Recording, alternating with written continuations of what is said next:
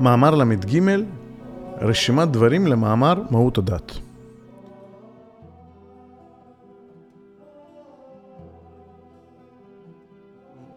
שלום רב, חברים יקרים. אנחנו ממשיכים ללמוד בספר מאמרי הסולם, מאמרי השקפה החשובים מאוד שכתב עבורנו בעל הסולם לפני המון שנים, ובספר החדש הזה יש הרבה דברים שלא פורסמו קודם לכן. אני פה איתכם לומד את המאמרים האלה כדי שנדע שהם קיימים, נבין אותם ונוכל לגבש השקפה אמיתית ומדויקת כפי שמסר לנו בעל הסולם ודייק בנקודות חשובות. אני מרחיב מעט בדברים ומושגים, כפי שלמדתי ב-15 שנה האחרונות עם הרב אדם סיני, שליטה בבית מדרש הסולם. המאמר שאנחנו לומדים היום הוא רשימת דברים, אז אנחנו גם זוכים שוב להצצה לתהליך העבודה, הכתיבה של בעל הסולם, שהשאיר המון המון המון תכנים עבורנו, מפעל חיים של אדם שפועל למען העם שלו, למען האנושות. ויש פה דברים שגם מחדדים דברים שלמדנו קודם, וגם מחדשים דברים נוספים. אין לו כותרת מקורית, כי כאמור זה לא מאמר ממש. וכותבים לנו פה האורחים, ייתכן ורשימה זו נכתבה כטיוטה וכזיכרון דברים למאמר מהות הדת, מאמר ל"ב שלמדנו קודם, אולם יש בה תוספות רבות על גוף המאמר. ואנחנו נראה את התוספות האלה. המאמר הזה הוא קצר, ואנחנו נלמד אותו בשיעור אחד. נתחיל. ג' שאלות, מהי דת? אם מטרתה בעולם הזה, אם בעולם הבא. אם לתועלת הבריות או לתועלת השם יתברך. אז ככה מתחיל בעל הסולם את הרשימות שלו בשאלות שהוא רוצה לענות עליהן. וככה גם אנחנו נראה את מבנה המאמרים אצל בעל הסולם וגם אצל הרבש, וגם אנחנו רואים את זה בזוהר הקדוש אפילו. יש שאלה, מעלים מן, מעלים מים נוקווין מלמטה, מעלים ביקוש, תפילה עם שאלה, ומביאים יסוד, ואז עונים על השאלות האלה דרך היסודות. והנה ידעת שהוא יתברך טוב המוחלט. כלומר, שחוקו להשפיע טוב לבריאותיו. זה היסוד. היסוד אומר, הבורא הוא טוב ומיטיב. זה הוודאי הראשוני שלנו. זאת האמונה שלנו, שעליה מתבססים כל הגיונות שלנו. ומזה אנחנו נגזור את כל ההבנות שלנו. זה לא נשנה, בזה אנחנו לא נוגעים. נותן לנו עוד ודאי, עוד הנחה. גם נתבהר שהשגחתו יתברך היא השגחה מטרתית, מבלי להתחשב כלום עם הקלקולים המדומים שאותה מטרה צריכה. כי המטרה בעצמה מכשירתם וחותמת אותם בצורת טוב. אז ההשגחה היא מטרתית. נותן לנו פה עוד קצת צבע על מהי השגחה מטרתית. השגחה מטרתית היא זו שמביאה למטרתה, והמטרה שהיא מביאה אליה זה מה שחשוב. ולצורך המטרה הזאת צריכים לעבור מצבים שנראים רחוקים מאוד מהמטרה, אפילו אה, קורא להם פה קלקולים מדומים. הם נראים לנו כקלקולים, אבל הם רק מדומים, כי הם לא קלקולים, אלא דברים שנצרכים בהכרח להגיע לאותה מטרה שההשגחה הזאת מביאה, מה גם שהיא מביאה למטרה הזאת בצורה מחויבת. ההשגחה הזאת תפעל בצורה כזאת שתביא למטרתה בוודאי. ממשיכים. א', קו המידה של התפתחות, משוער בבחינת התביעה של האדם. ב', התביעה שבאדם הוא הכשר השלמתו. וג', אין כפייה מהשמיים. כי אם השגחתו מחייבת את קבלת הדבר בתור מצב בסדר ההשגחה המטרתית, הרי מחויבת לבוא לרצון אל המקבלים. כי אז בתוכה שיקבלוה, כי מפתי יקבל דבר שאינו לרצונו. בואו נסביר את אלה.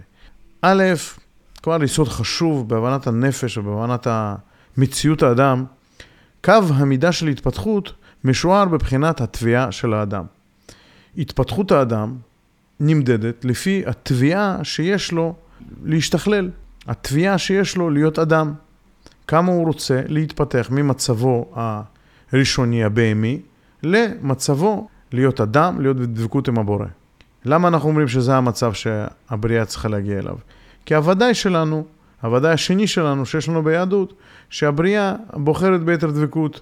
היא בוחרת ביתר דבקות, והיא רוצה להיות בקשר של יתר דבקות עם הבורא, ולא רק בקשר של השלמה כאשר הבורא נותן והיא מקבלת. ב. התביעה שבאדם הוא הכשר השלמתו. איך אדם יגיע למטרה שלו כאדם? על ידי זה שהוא יגביר את התביעה להיות אדם. דהיינו, יתאמן יותר, יתייגע יותר להיות אדם, יחפש איפה עוד יכול להצליח ולהשתפר. ג', אין כפייה מהשמיים. אומר, אם ההשגחה של הבורא צריכה להביא אותנו לרצות בדבקות בבורא, אז לעולם הרצון הזה הוא צריך לבוא מאיתנו. לכן ההשגחה תהיה מסודרת בצורה כזאת, שהיא תגרה אותנו לרצות דברים כאלה או אחרים. אבל בסופו של דבר, אדם צריך לבחור ולרצות. וזה נותן לנו מקום למשחק שאנחנו יכולים לרצות יותר חזק או יותר מהר, או להיות אה, עקשנים ולא לרצות את הדברים שבריאים לנו, אה, בריאים מבחינה רוחנית, והשגחה תביא לנו עוד מצב שידחוף אותנו ויגרה אותנו, כן, לבחור אה, בדבר שהוא מהמטרה שלנו. ממשיך. כל מה שיש לאדם רע מצד טבעו, הרי הוא מצד השגחתו יתברך. ואם כך, הוא לרצונו ולהנאתו. אז ככה, מניח שיש באדם דברים שהם רעים. מה זה רעים? דברים שמעכבים את ההתפתחות שלו. אבל הדברים האלה הוטבעו על ידי הבורא. אנחנו רואים אותם כרעים, אבל למעשה הם דברים שטרם הבשילו, אה, ואנחנו לא יכולים לכלכל בין רצון הבורא להיטיב לנבראיו, לרצון הבריאה להיות בקשר של יתר דבקות עם הבורא. אז אנחנו יכולים לראות אותם בתהליך של ההשגחה כקלקולים מדומים, כרעים, וכן הם רעים ביחס למטרה שלנו, אבל הם שם מטעם הבורא. זה אומר שצריך לעבוד איתם, צריך לגלות אותם בפנים, וצריך להכשיר אותם, להבין מה הם רומזים לנו, ולפי זה לתקן. להבין איפה זה אנחנו האמיתיים, ואיפה זה הדברים המדומים. זה דבר אחד. ודבר שני, אם הבורא טבע אותם בתוך האדם, זה אומר שאדם מרגיש אותם שהם לרצונו ולהנאתו. ככה אנחנו חווים את הדברים האלה. או על כל פנים, ככה אנחנו חווים אותם אה, בצורה טבעית. הכרת הרע. כל המבוקש מהדת ומעסק בה הוא הכרת הרע בלבד, כי אז מתעוררת בו תביעה לטוב ולא זולת. וכשמתבררת בו התביעה הזאת, הרי הוא נושע, אולם היא חוכמה נפלאה. למשל, כשאתה שואל לבנך, אמור לי, האם טעמת רע? ויספר לך אשר רקד על העצים, ואז נפל ונגף רגלו, והכאב היה רע מאוד וכולי. כבר ראינו את המשל הזה, וההרחבה של המשל היא שאומר לו אביו שכל הכאב והייסורים שסובל הם לא הרע. הרע שהיה טמון בתוכו זה שהוא התפתה ללכת לשחק עם החברים שלו על אבני נגף. אבל עכשיו הוא קיבל משהו שיצביע לו, יראה לו, מה הוא צריך לתקן. אז ממשיך ואומר פה, וכן אדם אשר הרע שבו נמצא מהשגחתו יתברך, וממילא הוא לרצונו ולהנאתו, וממילא אינו מוכשר להכיר אותו לרע וכולי. מה אומר לנו פה בעל הסולם? אומר, זאת חוכמה נפלאה, הכרת הרע הזאת. זה לא דבר פשוט, והוא לא עובד באופן אוטומטי. כי אם זה היה באופן אוטומטי, אולי לא היינו טועים בכלל. ואולי גם לא היינו בוחרים. כי יש פה הסתרה של הרע, ואומר שהרע הזה מוסתר בצורה כזאת שאדם מתפתה למשהו שהוא רואה דבר מסוים שהוא לרצונו ולהנאתו. וכשהוא הולך אחריו, שמה הוא יכול לגלות איזשהו רע שקורה לו, או חווה במציאות שלו, ואז הוא אומר, אוקיי, את זה אני צריך לתקן. אבל מלכתחילה לא התכוון האדם לעשות רע. הוא התכוון לקבל איזשהו תענוג, או הלך אחרי העושר המדומה שלו. ושם, במקום הזה, היה מוסתר לו כמתנה איזשהו גילוי של את זה אתה צריך לתקן, הדבר הזה הוא רע לך, אתה יכול ליפול ולקבל מכה. ואומר שזה כל מטרת הדת, לעזור לך לבוא בהכרת הרע, שלא בדרך ייסורים. ואומר שבעסק בדת מתעוררת ומתעצמת התביעה של האדם לטוב ולהתרחק מהרע. וכשמתבררת התביעה הזאת, שהיא בעצם מאפיין של התפתחות האדם וגם הדבר שמכשיר אותו, הוא נושע. ומוסיף שזאת חוכמה נפלאה, כי באמת זה לא פשוט. אנחנו רואים דברים שאנחנו רוצים אותם, ורוצים בסך הכל שיהיה לנו טוב, ושם אנחנו שוברים שיניים במרכאות. וכשאנחנו שוברים שיניים, אנחנו צריכים להבין נכונה את הדברים שכן משכו אותנו למקום, למקום הזה, כן משכו אותנו למקום הזה, ההשגחה, הטבע שלנו, נמשך, משך אותנו או דחף אותנו למקום הזה, ושם גילינו את הרע, שאותו צריך לתקן, וצריך להבין שצריך לתקן אותו כדי להתפתח הלאה, וזה גם היה לטובתנו. ממשיך ואומר, תורת המוסר. ותראה את זה גם כן בתורת המוסר הפילוסופית, אשר אינה מעדיפה לנו רק הכרת הרע. שבהיות אדם עוסק בה ומיושר את דרכיו על פיה, הרי לאט לאט מרגיש את דרכיו הקודמים לרעים והולך ומיטיב אותם. ועל דרך זה גם העסק בתורה ומצוות מכשיר את האדם להכיר את הרע שבו. השוואה פה בין אה, הדת לתורת המוסר, או פילוסופיה של המוסר, מרחיב על העניין הזה במאמר הקודם, מאמר מהות הדת ומטרתה, ופה רק אומר, שימו לב, נכון, גם האתיקה מלמדת אותך איך להתרחק מהרע ואיך לשפר את דרכיך. ובעניין הזה, התורה והדת הם דומים, או זהים אפילו. וההבחן שביניהם הוא רק בזה, אשר תורת המוסר תביא לנו הכרת הרע רק ברלטיבי, זאת אומרת, בהשוואה לחברה. מה שאין כן הדת תביא לנו הכרת הרע ברלטיבי להשם יתברך. כשהוא בשינוי הצורה ממנו יתברך, ובהשוואת הצורה אליו. וזה שאמרו ז"ל בויקרא רבה, דרך ארץ קדמה לתורה. כי מתחילה מוכרח האדם להכיר את הרע מתוך יחס החברה. ואחר שקיבל הכרה זו מתוך החברה, נמצא מסוגל להתחיל את העסק בתורה. שאז יש לו מבוא להכיר את הרע מיחסו כלפי השם יתברך, על דרך השוואת הצורה. ועל כן נברא אדם בריבוי, שעל ידי החברה מתפתח, וזה נקרא דרך ארץ. דבר נפלא ביותר. אז נותן לנו פה קצת השוואה והרחבה בעניין של הקשר בין אה, תורת המוסר הפילוסופית לדת. הוא אומר, תראה, כל הכרת הרע שאתה קונה כשאתה עוסק במוסר אנושי, הוא ביחס לחברה. אתה מכיר ברע שהוא מראה לחברה שאתה נמצא בה. והדת, היחס של הכרת הרע, הוא זה ביחס להשם יתברך. מה זאת אומרת? אומר, הרע, שאתה בשינוי צורה מהשם, והטוב זה שאתה בהשוואת צורה להשם. ועל דרך זה מפרש לנו את הפסוק, דרך ארץ קדמה לתורה. במה היא קדמה?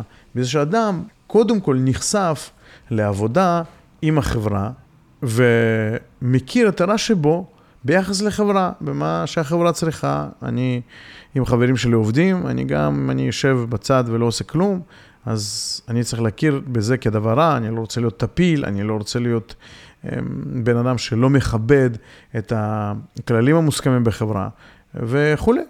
אנחנו רואים נימוסים שונים במסגרות החיים השונות שלנו, שהן שומרות על מבנה החברה ומאפשרות לנו ביותר לראות איפה יש לנו להשתפר, איפה יש לנו רצונות לבלוע את החברה ולרמוס את האנשים הסובבים אותנו. הוא אומר, אתה מתחיל בזה, ושימו לב מה הוא אומר, ואחר שקיבל הכרה זו מתוך החברה, נמצא מסוגל להתחיל את העסק בתורה. מה, מה זה אומר?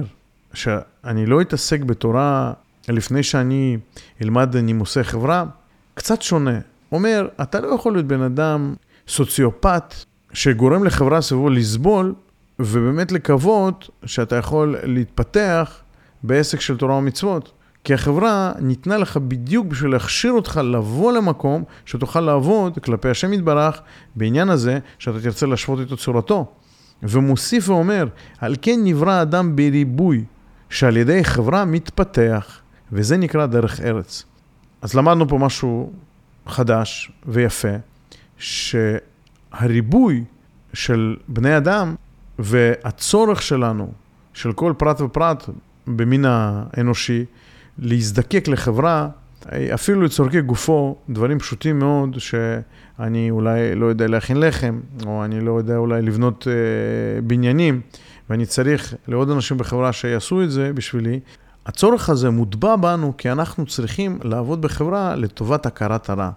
כי כשאני לבד לעצמי, אז הכל טוב. אני לא בכלל, לא רואה את ניגי עצמי.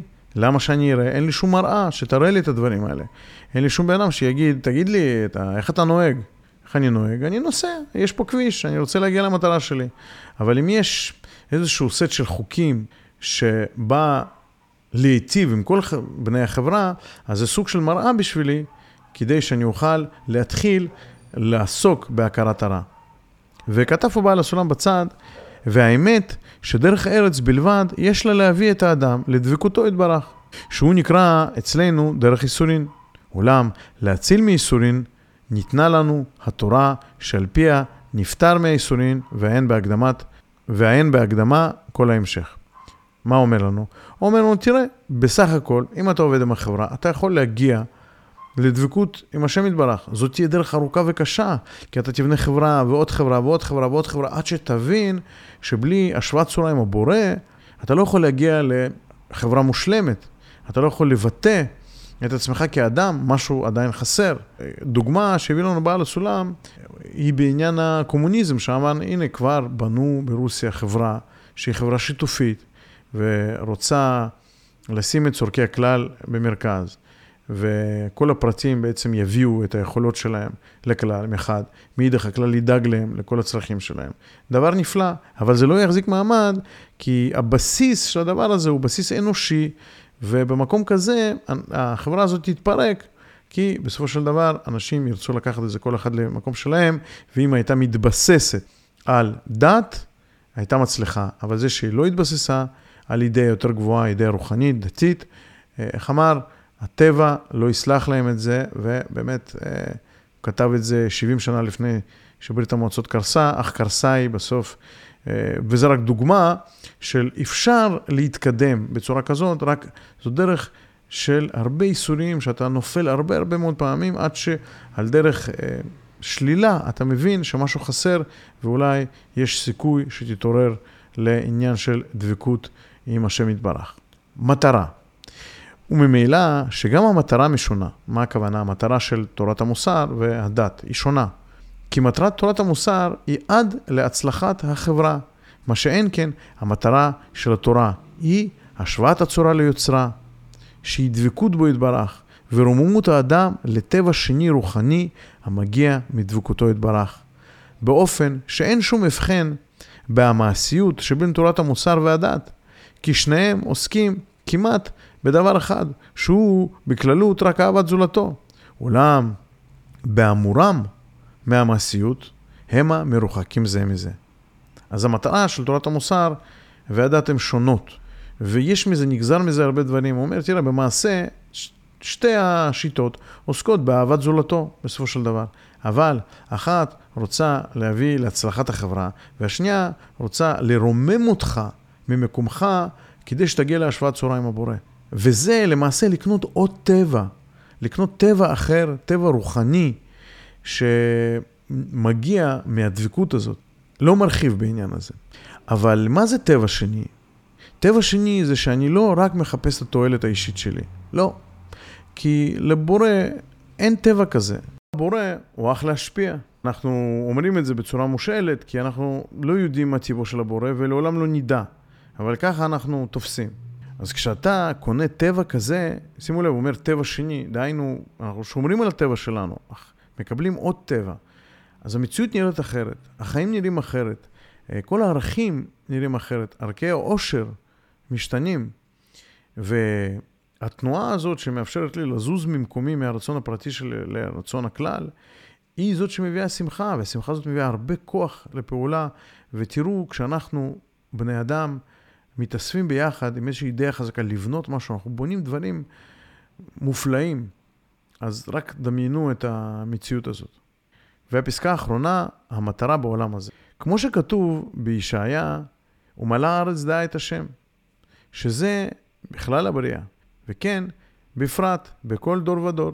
אולם, ודאי, אחר שזכה להשוואת הצורה בעולם הזה, הרי שכרו לעולם הבא עד אין ערך, מביא פה מרכאות, עין לא ראתה, עין לא ראתה, אה, אלוקים זולתך. זה גם כן אה, מובא בישעיה, אה, וגם במסכת ברכות, אומר, זה נאמר על העולם הבא. אומר, תחשוב שהדעת שמביאה אותך להגיע לדבקות עם הבורא יתברך, וכן את כל החברה האנושית לחיות בדבקות, ותחשבו על כל הדברים שנגזרים ביחס לחברה, זו תועלת עצומה לאדם בעולם הזה, בחיי חיותו, כמו שאמרנו קודם, אה, מדברי שפירש את דברי רבי אברהם אבן עזרא. אנחנו עובדים ואנחנו דתיים כדי שפה התפיסה שלנו תשתנה, ההתייחסות שלנו תשתנה. וככה גם הסביבה שלנו תשתנה, החיים שלנו ישתנו, המעשים שלנו ישתנו בהתאם. וזה דבר חשוב מאוד, ולא להיות... כי, כי זה מאפשר לנו למדוד את ההתקדמות שלנו. אבל יש כזה דבר, שכר לעולם הבא. זה דבר שצריך ללמוד בנפרד, אה, ולא הסביר פה בעל הסולם, ואני גם לא רוצה להיכנס לזה, אני לא כל כך יכול עם ההקשר הזה, אבל הרווח הוא בעולם הזה ולאין ערך בעולם הבא. דהיינו שאומדן של ההצלחה שלנו, שנצליח בחיים שלנו, נצליח לשנות את התפיסות שלנו, נצליח לקיים מסביבנו סביבה ערכית, אה, חברה ערכית, ששמה לעצמה מטרה דתית, שהיא דבקות בהשם. ולא רק מטרה אנושית, שבסופו של דבר תביא אותנו לעוד איסורים ועוד איסורים בדרך להתקדמות שלנו. אנחנו כבר מפותחים, כבר ראינו ושבענו ונשפכו הרבה דמעות בהיסטוריה האנושית. הגיע הזמן שניקח לעצמנו מטרה אמיתית ונתקדם אליה, מה גם שמבטיחים לנו זו דרך בטוחה, הרבה יותר נעימה, הרבה יותר uh, מועילה ומהירה להביא אותנו אל מטרתנו. תודה רבה שהייתם איתי. אה, אם יש לכם שאלות או הערות, תכתבו בתגובות אה, ונשמח להתייחס לדברים שלכם. אם אה, יהיו לכם שאלות מיוחדות, אנחנו יכולים גם להקליט שיעור בעניין. תודה שלמדתם, כל טוב.